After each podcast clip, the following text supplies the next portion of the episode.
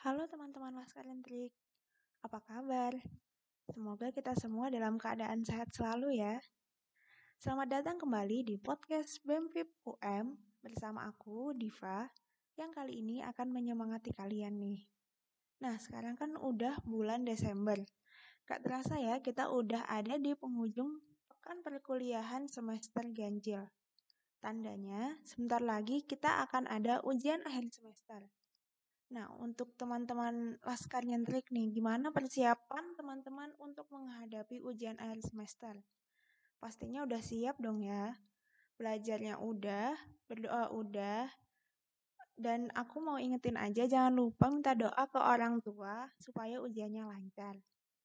Aku tahu kalian pasti merasa berat dengan ujian akhir semester ini. Tapi ini harus kita jalani sebagai wujud tanggung jawab kita sebagai mahasiswa.